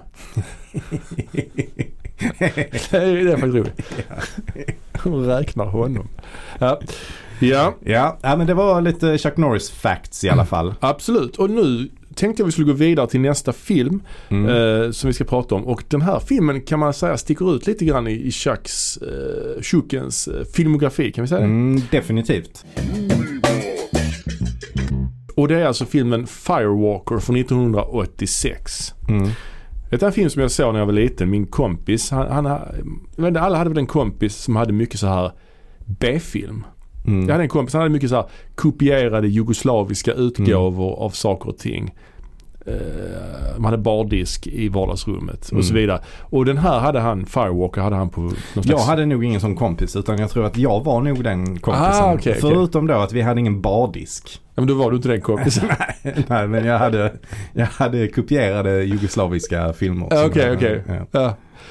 Ja, det var inte dig jag pratade om, det var en annan kompis. Men, ja, ja, men han hade det i alla fall på någon Jag slags hade till exempel. Robocop 3 hade jag och Jackie Chan-filmer. Mm. Det är också, också intressant, alltså Armor of God filmen med Jackie Chan Mm. hade jag. Ja, Och den var ju faktiskt också inspelad i eh, Zagreb. Okej. De hade faktiskt en, eh, ja, en levande filmproduktion där på, på 80-talet. Så Ja, det var ja. ganska många som, eh, som spelade in filmer där. Det är ganska ovanligt ju i, Ja, gud alltså för att det var ändå ett eh, östland Det kan man säga. Och, Inte och, lika mycket, de var ju inte en del av Warszawapakten som alltså eh, Tjeckoslovakien. Och, nej, de körde och- sitt race, eller Tito De, de körde ett ja, eget race men, men de var ändå allierade ju med eh, öst. Moskva. Mm. Ja. Men det är intressant att Jackie Chan har gått omkring på Zagrebs gator. Det är rätt intressant faktiskt. det är faktiskt intressant. Ja. Men den här filmen Firewalker då, det säljer sig ju till eh, subgenren Indiana Jones-kopior. Ja. Som var ganska populära på 80-talet. Mm. Har vi pratat om tidigare. Kung Salomos skatt och så vidare. För Bloodstone Eller vilken menar du? Du menar Kung Salomos skratt? skratt, förlåt ja. det är bra. Eh, och detta är då naturligtvis också en Canon-film. Ja. Och den här filmen, Vilket ju även Kung Salomos skratt är. ja det är intressant att de gjorde, att de gjorde de här filmerna Mm. båda två. Det som är intressant är ju att det är samma regissör också. Ja det är det ja. J. Lee Thompson. Han gjorde ju först Kung Salomos skratt. Och sen gjorde han eh, Firewalker. De tyckte att han var så bra så han fick en chans till. Ja, precis. Ja och ehm, han har ju även gett oss eh, Ja, men han har gett oss, han har ju gett oss Oh, eh, ja. kanonerna på Navarone. Han, ja, är ju, han, Cape är ju, Fear, ja. originalet. han är ju en engelsk eh, regissör. Mm. Alltså som liksom debuterade alltså på 50-talet redan. Ja, ja visst. Och sen så gick han över att göra storfilmer i Hollywood. Så då gjorde han ju kan- Kanonerna på Navarone. Mm. Och så gjorde han Cape Fear. Kanske ingen storfilm så riktigt men det är ändå Hollywood. Och, och sen så gjorde han, eh, gick han ju över så gjorde han lite mer så sci-fi. Apornas planet, eh, uppföljare där. Ja. Eh, men, men sen blev han ju eh, förknippad med eh, Bronson, Charles Bronson Ja. ju. Precis. Så han gjorde mycket tillsammans med Charles Bronson. Mm. Denna filmen hade 8 miljoner i budget. Spela in i 11 ungefär. Spela in i 11 Ja, Så svag. att det, det där, det, det, det är en svag, svag film liksom. Ja, det kanske det är. Eh, men, men, men det var ju att Chuck Norris ville prova på att göra någonting annat. Ja, men precis. Han ville prova Mm. på att göra en komedi. Ja. Sen blev inte detta en komedi så som han hade tänkt sig. Men, men det här manuset fanns redan under utveckling hos Canon. Ja. Så han bestämde sig för att göra det. Men att göra det mer, mer komiskt. ja, men precis. Och, och han spelar här mot eh, Lou Gossett Jr. ju. Mm. Oscars vinnande skådespelare. Mm. Fick ju Oscar för en officer och gentleman bara några år tidigare. Mm. Så hans Mm. karriär gick väl inte kanske åt rätt håll här kan man inte säga. Nej, nej. Eh, men det är väl ganska vanligt att skådespelare eh, alltså får andra typer av erbjudanden när de har Mm. fått en Oscar. Ja. Och många går ju emot att göra mer mainstream film. Ja, alltså Nicolas Cage, så Om ja. vi tar Nicolas Cage till Ja, ja. exempel så gjorde han ju lite mer indiefilmer Ja, gud ja. fram tills han fick en Oscar. Och då efter det fick Mm. han andra erbjudanden och gjorde mycket mer mainstream actionfilm. Ja det är väldigt vanligt att alltså, Mm. folk som vinner Oscars till exempel i nä- nästa film de gör kanske de spelar skurken i en Marvel-film istället. Liksom. Mm. Bara, Mm. bara för att få in cashen liksom. Bli Ja. ekonomiskt oberoende Ja. och sen göra annat igen liksom. Mm. Um, Melody Anderson är också med. Mm. Hon Mm. känner vi framför allt ifrån Flash Gordon. ja, eh, några år tidigare här. det är väl egentligen bara det jag kan komma på. Hon har varit med i. Ja hon, hon, Hon eh, ja, hon eh, håller inte på med, hon slutar med skådespeleriet sen. Ja, hon är socialarbetare idag. Ja, just det. Melody Anderson, bra. Mm. Eh, sen har vi andra mindre roller. Will Sampson som spelar den här eh, Chief i Jökboet Mm. är ju med Mm. också. Han avled ju sen året efteråt. Man ser Mm. det på honom. Han är retard här alltså. Mm. Sen har vi också en annan eh, native american. Det är ju. Sonny Landham som spelar den här eh, killen i Predator. Billy. Och, och 48 timmar. Just det. Eh, Och en liten roll också av John Rhys Davis. Ja, just det. Inte att förglömma. Nej, Nej. han har också gjort mycket skumma val. Han har gjort skumma val ja. Men jag tror att vid det här läget var han kontrakter, kontrakterad till Canon. Så att han gjorde en massa inhopp i Canon-filmer. Har att- jag, har jag berättat att jag träffat honom? Ja det har jag, det har jag gjort. Det har jag berättat. Ja, det har jag. Hur många gånger har du berättat det? Hello young man! Just det, så sa han. Men Ja. var det sa, sa han inte något mer? Nej, han Han undrar vad vi, vad vi var. Ja, okej. ja, skitsamma. Men, men eh, ja, den här filmen är som sagt en Indiana Jones-kopia. Så Mm. eh, Chuck och... Och det, och det är då Robert Gosnell som har skrivit den och han har inte gjort så mycket annat faktiskt. Eh, Alex Phillips Jr har fotat den Ja. och han eh, har heller inte gjort jättemycket. Han, han inriktade sig väl lite på att göra den här typen av Indiana Jones-filmer. För han gjorde också de här Kung Salomos skattfilmerna. Med Richard Chamberlain ska vi säga. Ja, precis. Och Eh, Sharon Stone va? Mm, Ja. precis. Hon var tydligen väldigt jobbig att ha att göra med på den inspelningen. Jaha. sägs det. Sägs det ja. Ja, Ja men vi Eh, har då Chuck Norris, han spelar Max och Lou Gossett Jr spelar Leo. De är två, Äventyrare. två äventyrare. Och skattletare. Exakt, Mm. skattletare är de. Och de... Eh, De är, det är rätt så bra namn. Max Donegan mm. och Leo Porter. ja. Det är bra namn ändå. ja, det är bra namn. Och eh, de, det börjar med en sån här biljaktssekvens i någon öken. Ja. Sjuka konstiga, konstigt typsnitt på förtexterna. Tänkte du på Mm, det? Så här ja. lila märkliga förtexter. De känns lite så här arabisk tonade på något Mm. sätt. Alltså lite om du tänker så här Ishtar. Mm, precis. Typsnittet till Ishtar. Ja, det alltså det, Ish- ja. det skrivs gärna lite med den typen av eh, Precis, snirkligt. font, snirkligt. fonter. Lite Mm. snirkligt. Men de här är ju då, är de inte gula och så har de typ lila Ja. i sig? Ja, det är en Eller så. svår Det är riktigt färgkombination. så, ja, Löfbergs lila typ. Så. ja, precis. Det är riktigt sådär um, kontrasterande färger ju. Ja, och de blev fångade då av några några skurkar och fastbundna på, på marken mitt i öknen. Ja, och de blir ju fastbundna på ett sånt här riktigt Tintin-sätt. Ja, Med så pålar som är nerstuckna i sanden Ja. och, så, och så är deras fötter och händer bundna till varsin som påle så att de är utsträckta lite som en sprattelgubbe liksom. men innan skurkarna drar därifrån så vill de så att säga förnedra dem ytterligare genom att placera en flaska Perrier, Just det här eh, kända mineralvattnet, i Chuck Norris hand. Så han ska dö med vattnet i handen för att liksom han ska vara så nära räddningen som möjligt. Jag tror snarare att det är ju produktplacering så det visslar om det men, Ja, det måste det vara ja. Mm. men när de har dratt så bara krossar han ju flaskan genom Med handen. Ja, och skär loss repet och allting är bra igen. Ja, ja. Eh, ja och sen senare då så är de på en bar. Men jag måste ändå säga att redan här ser man lite grann, alltså jag vet inte vad de, eh, de här åtta miljonerna gick till riktigt. Nej. Alltså för man ser redan här att det är, det är rätt eh, slarvigt gjort alltså. Lite slarv, Eh, alltså, na, ja men alltså Mm. na, Chuck Norris skär ju loss sig själv först. Och sen så ska han skära loss Louis, Louis Gossett Jr. Mm.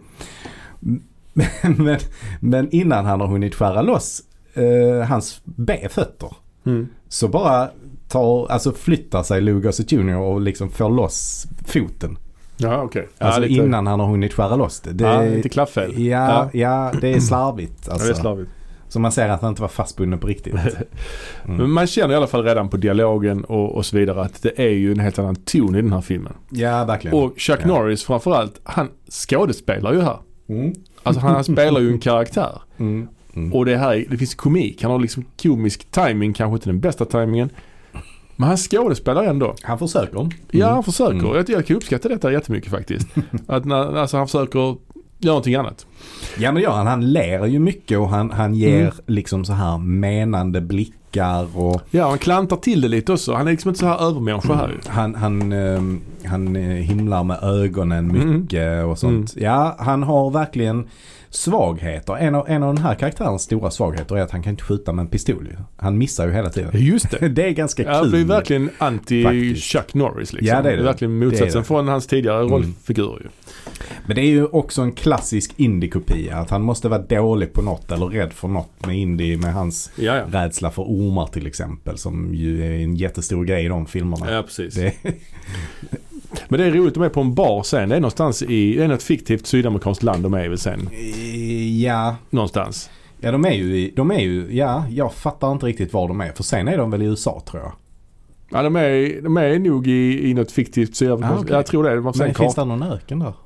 Ja, det början någon annanstans. Ja okej, det är Ja, nog, aha, ja, ja, ja. Mm. Eh, Men och då är de på en bar, en sunkig bar och sitter där och dricker Mm. och...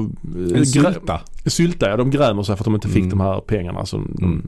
Och då kommer Melody Anderson in på baren. Och här är rätt så rolig, faktiskt en riktigt bra eh, Mm. replik här när hon ska beställa vin i den här sunkiga baren. Hon frågar, kan jag få se på vinlistan? Så säger bartendern, jag har den i huvudet. Vi har rött och vi har vitt. Det är faktiskt bra. Ja, Jag vet inte om det var första gången den repliken sades, men jag tycker det är, det är bra. Ja alltså. det är faktiskt bra. Det är faktiskt bra.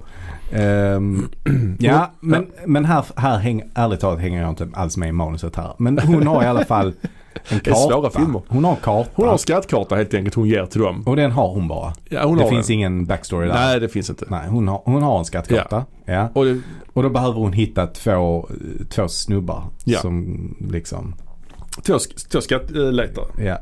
Så då pekar bartendern henne åt eh, Max och Leos håll.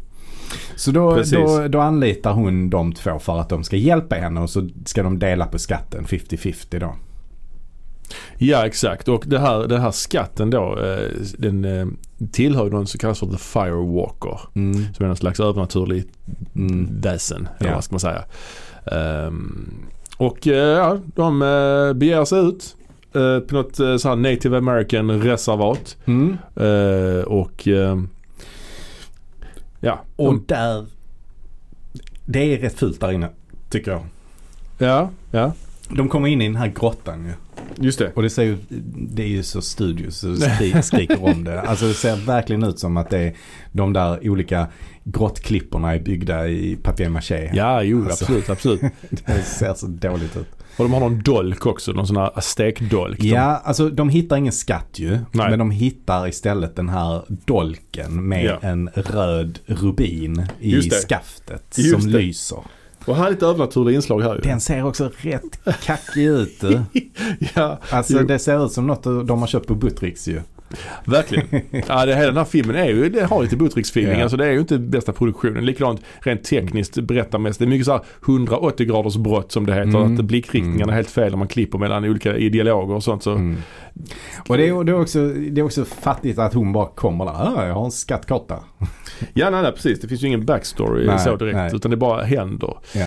Det, det är många scener med få karaktärer.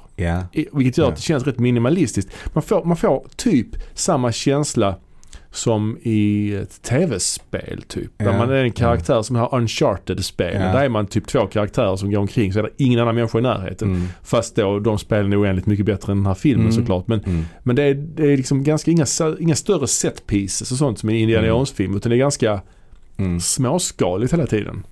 Ja, de blir attackerade av några så här eh, native americans så att säga. Mm. Som har fjäderskrudar och spjut och grejer och det blir en fight ju. Chuck han kör ju lite karate moves också ju. Ja, emellanåt. Det är Ja. inte alls lika avancerat som i tidigare filmer men ändå lite grann liksom. Mm. Men han är dålig på att skjuta som sagt. Mm. Men de, de, de lyckas då, de dödar alla de fienderna där inne och så lyckas de fly Ja. ut från den här grottan. Ja.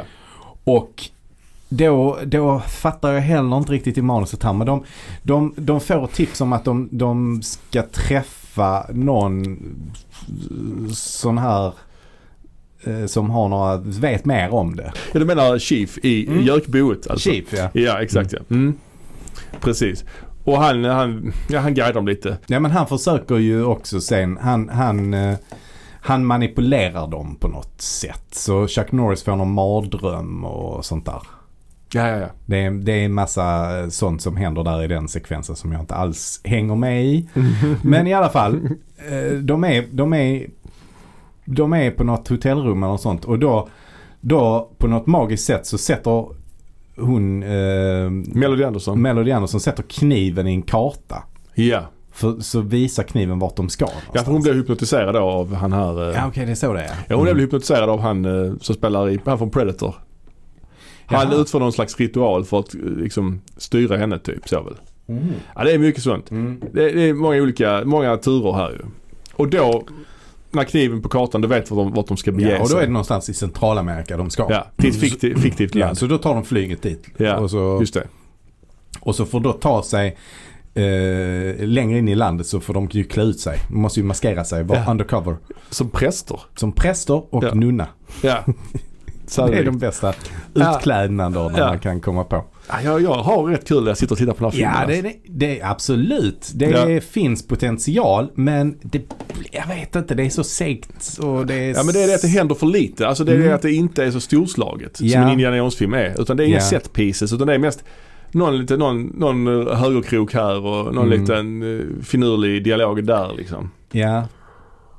Precis. Men i alla fall så blir de helt plötsligt jagade av eh, militärer ju.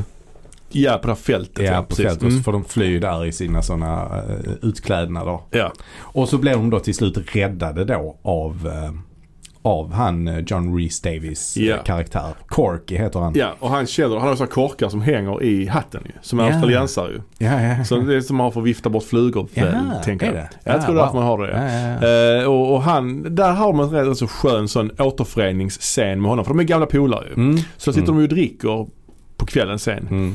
Och något jag gillar, Mm. som jag kom på när jag såg den här filmen. Det är när folk är utomhus och sitter och dricker i ösregn under ett tak. ja, det är och mysigt. skrattar. Det är mysigt ja.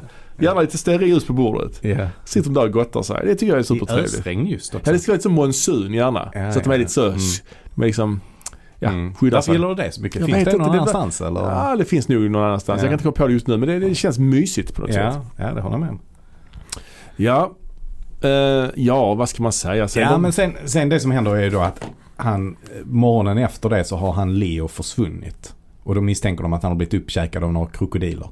ja just det ja. Och så får de en ful bil av Corky. Just det. Den är riktigt ful. Alltså, det är en liten bil. bubbla Ja just det. som är målad i camo. Ja. What? Why? Och sen kör, kör ut i vattnet på det och den börjar sjunka. Och så Ja. ska Chuck Norris simma. Han kan knappt inte simma. Nej, han kan inte simma. Så han simmar ett konstigt hundsim. ja. Ja, det, det finns många tokiga grejer här Ja. alltså. ja, men till slut så hittar de då till det här templet som de ska till. Ja. Och där inne hittar de då Leo. Han hänger i ett rep då. Ja. Han, är, han, är, han har blivit fångad. Så det var ju eh, jättekul. Hux flux har han bara hamnat där. Hur gick det till? Ja. Ja, det vet vi inte. Och så träffar de då El Coyote där inne. ja, det vill säga han från Predator. Ja. Ja. Ehm, och där är det en lite kul scen faktiskt. För Chuck Norris han är ju inte så bra på skjutan men Nej. däremot desto bättre på att kasta kniv. Det har vi Ja. fått se prov på många det. gånger. Just det. Och då vill han ju döda El Coyote så han kastar den här dolken mot Mm. honom. Men, men där är det faktiskt ändå rätt coolt gjort att El Coyote bara fångar den Ja. i, eh, i, i kastet liksom. Ja, det känns som att de har spelat baklänges ju. Ja, Ja. Men det, ja, det, är, det är rätt snyggt ändå men tycker det jag. ändå, jag, jag har Mm. faktiskt försökt komma på om de har gjort det men jag tror inte de har gjort det. Alltså. Ja, okej, okej. För att han kommer från att göra ett sånt ondskefullt skratt, ha ha ha, sånt Mm. liksom. Till Mm. att bara eh, titta ner och fånga den Mm. i, i, liksom, i rörelsen. Ja, ja. Och det är ändå rätt svårt och hur ska du kunna göra det baklänges? Liksom? Nej, det, det är sant. Eh, så att jag tänkte också, det måste de ha gjort baklänges. Men Mm. verkar inte som Mm. de har gjort det. Ja, det är movie magic helt enkelt. Mm, det är det. De hittar ju, ja de besegrar, det blev ju sen en fight mot honom. Mm, Och de besegrar honom. mm, Och han brinner upp ju. mm. Och de hittar den här skatten. Det är ju jättemycket ska, mycket grejer. Det är ju en Ja, en det- skattkammare Det är en skattkammare ja. fylld med guldsaker. Ja. Och sen slutar filmen där de sitter och käkar middag på en resort någonstans. ja, det är riktigt. Fiji, de, de är i Fiji. Fiji där ja. Ja. Eh, och då får vi ju se att bartendern, Ja just det. det är en sån riktigt sjuk inzoomning. Ja, Alltså kameran går liksom från att ha dem i fokus. Ja. Sen så förflyttar sig kameran in och går liksom Mm. igenom ett staket. Och så zoomar den skitlångt in på bartendern som är ganska långt borta. Ja. Och då ser man att det är han, den ledaren som fångade dem i, i filmens första scen. ja han med Perrier-flaskan. Perrier-gubben. Ja. Och säger han 'Gentlemen' ah, haha, skrattar han där. Nu har jag er äntligen. Vad fan gör han där liksom? Och sen slutar det. Det är fan. Ja, ja, det är som sagt det här är en nostalgifilm för mig. Ja. Eh, jag såg den på 80-talet. Och jag har ändå rätt kul när jag ser den. Jag har sett den nu tre gånger då om man räknade 80-talstittningen Mm. också. Den är, ju, den är ju svag på många sätt. Men jag kan uppskatta verkligen att Chuck Norris gör någonting annat här. Att han skådespelar, att Ja. han är komisk. Jag tycker de har rätt bra tugg han och, och Lou Gossett och Mm. även Melody Anderson. Det är en rätt Mm. god trio. ja, det är det faktiskt. Jag kan tycka det är synd att det inte blev fler, fler filmer i den här serien. Ja, alltså han, han, han, han ville ju liksom lighta upp sin så här screen image lite Mm. grann. Så det han själv har sagt det är ju ett citat här då. eh, inför den här filmen. Whether I do more lighter type films beyond this one will be determined by how Firewalker does. Mm. The audience tells you what you'll be doing or not doing. Like Stallone, he'll never do Rhinestone again. Han gjorde ju en Mm. musikal på, i mitten på 80-talet för att prova på att Ja. göra någonting annat. Ja det var väl med Dolly Parton också? Ja, det var det. Ja, ja, Exakt. Ja. Så det var någon slags country-dokumentär. Som jag skitgärna vill se Ja, faktiskt. dokumentär var det Nej, inte? eh, musikal menar jag. Varför Ja, ja. jag dokumentär? Som jag skitgärna vill se för att den verkar ju eh, cool ju. Mm. Ja, Stallone i en musikal. man ska alltså. komma ihåg att han gjorde, Stallone då alltså, han gjorde många konstiga filmer ändå senare. Han ja. var verksam i många olika genrer. Han gjorde ju Os- den här Oscar och Stopp, annars skjuter mussan skarpt. Alltså han gjorde mycket skit också. Ja men det var senare. Ja det jag menar. Denna kom ju 84. Ja, jag vet men han sa ju he will never do rhinestone again. Mm. Nej men han gjorde annat skit Ja, istället. han gjorde annat skit. Att, ja. eh, ja, precis. Men, men detta här är ju i alla fall, Chuck fick ju lite grann ett kvitto på att ah, det kanske inte är den här typen av film jag ska göra. nej. Men jag, jag tycker att han kunde gott gjort fler sådana filmer om bara bättre manus så hade det Mm. ju funkat ju. Mm. Eh, alltså, ja, absolut. Absolut. Det försvann väl i mängden av sådana här filmer kanske. Ja, alltså jag tror att Kung Salomos skratt kanske blev mer intressanta. Mm. De känns ju också lite, i alla fall den första filmen, ja men både roligare och kanske lite bättre också. Den andra Säkert. filmen däremot var nog inte så bra men Nej. Det var väl rätt dåliga effekter. Det var mycket mer effekter. Ja. Men de, den första tycker jag ändå känns mer påkostad. Den är inspelad i Afrika och så. Ja, ja, ja.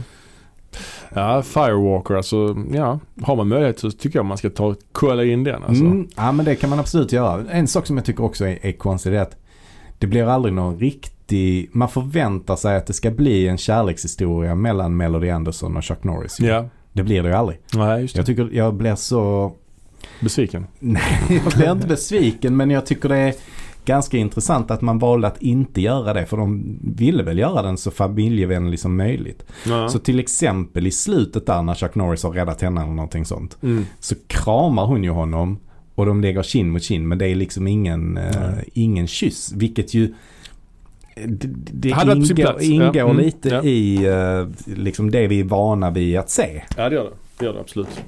Ja men vad, vad ja. Ska vi summera lite grann då våra intryck av Chuck Norris helt enkelt? Ja, han var, ju- fortsatte ju vara aktiv. Den här kom ju som sagt 86 och Ja. 86 så kom ju också Delta Force som ju Mm. var en av hans största succéer. Eh, som ju också handlar om terrorism och så. Så Ja. då var han ju tillbaka i sin eh, Ja. gamla Gamla Ja, och sen... bekanta och då- farvatten. Ja, och då hade han ju gjort rätt många filmer för Canon här liksom. Mm. Eh, under ganska kort period. Alltså mm, 84, 85 och 86 så gjorde han väl, det blev väl fem filmer då tror jag. Ja. Eh, det, det var ju då alltså eh, Miss, Missing in Action 84, Invasion USA 85, Missing in Action 2 85, Delta Force 86 och Firewalker 86. Sen Mm. hade han en liten paus eh, och var inte riktigt lika aktiv efter detta. Men Han, sen, gjorde, han gjorde ju också filmen Code of Silence 85. Ja, just det. Gjorde han. Men inte, det är inte kanon. Nej det är det. Men, men eh, absolut, han gjorde den också. Så att eh, han var busy kan, man säga. Ja. Han fortsatte ju göra sådana här actionfilmer. Det blev svagare och svagare. Delta Force 2 och så vidare. Braddock, Missing in Action 3. Alltså det blev Mm. Sen gjorde han en film som heter Sidekicks också tidigt 90-tal som skulle vara lite Mm. så komedi, lite familjefilm. Han spelar typ sig själv som någon slags imaginär eh, Alltså någon kille som tränar Mm. karate Mm. och tränas då av Chuck Norris på något sätt i någon fantasi. Ja. Den blev ingen hit i alla fall. Nej, och så gjorde han ju den Top Dog också ju. Där tidigt 90-tal. Just det, som en sån här hund och polisfilm. Som Mm. kommer rätt många sådana också då ju.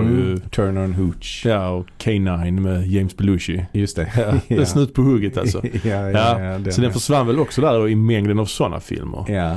Eh, Men sen så tog han ju då steget över till TV. ja, Vilket ju var ett nersteg eller vad man ska säga. Ett, ett, ett hopp ner på liksom ja det är det ju. skalan då. Idag är det inte det Nej, alls. idag är det inte det. Nej. Idag är det ju, alltså att, att göra en serie på, på streaming är ju inte, anses ju inte fulare liksom än eh, att göra biofilm. Nej men precis. Så Men att- gjorde ja. Men då gjorde han det och det, det var väl eh, ett svårt val kanske. Men, men det visade sig ju framgångsrikt för den serien höll ju på väldigt länge liksom. ja Walker, Mm. Walker Texas Ranger ja. Mm. Jo ja.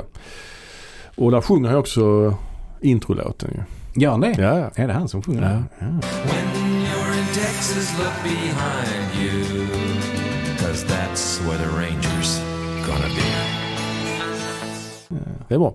Ja. Eh, han, gjorde några, han har gjort några filmer också, varvat. eh, han gjorde några filmer på 00-talet också men aldrig några större grejer ju. Mm. Och Och det- så är han ju med i Expendables och det var väl hans Ja. sista framträdande. Ja, tvåan där, 2012, ja, det är hans sista framträdande. Han är ju som sagt över 80 år idag va, så att det är ju lite svårare kanske för honom att göra action Mm. så att säga. Mm.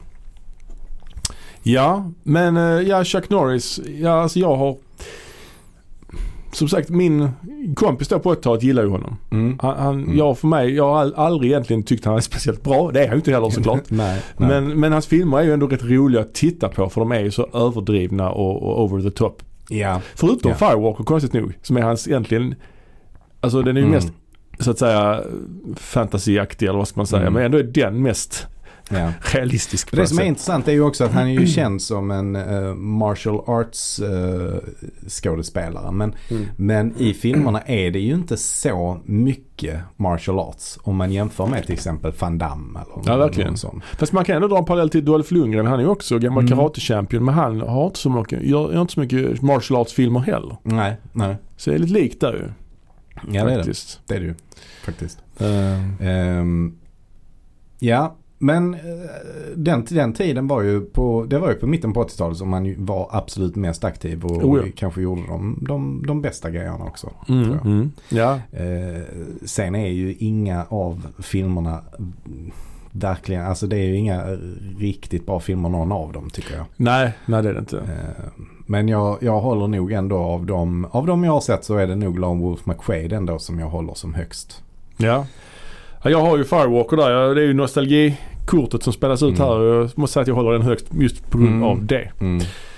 Ja, ska vi säga så då? Då avrundar vi. Det gör vi. Tack så mycket för att ni har lyssnat och glöm inte att, eh, att följa oss i er podcast-app och kanske lämna en recension eller någonting sånt. Det, det, Mm. det tycker vi är rätt kul. Och sen så Mm. kan man följa oss även på Instagram och Facebook och så. Det kan man göra och mejla oss gärna också. Mm. Finns i link in bio eller vad man säger. Mm. Adress in bio kanske man säger. Mm, ja, kan man. kan man säga. Okej, Tack för idag. tack. Bra. Hej. Hej.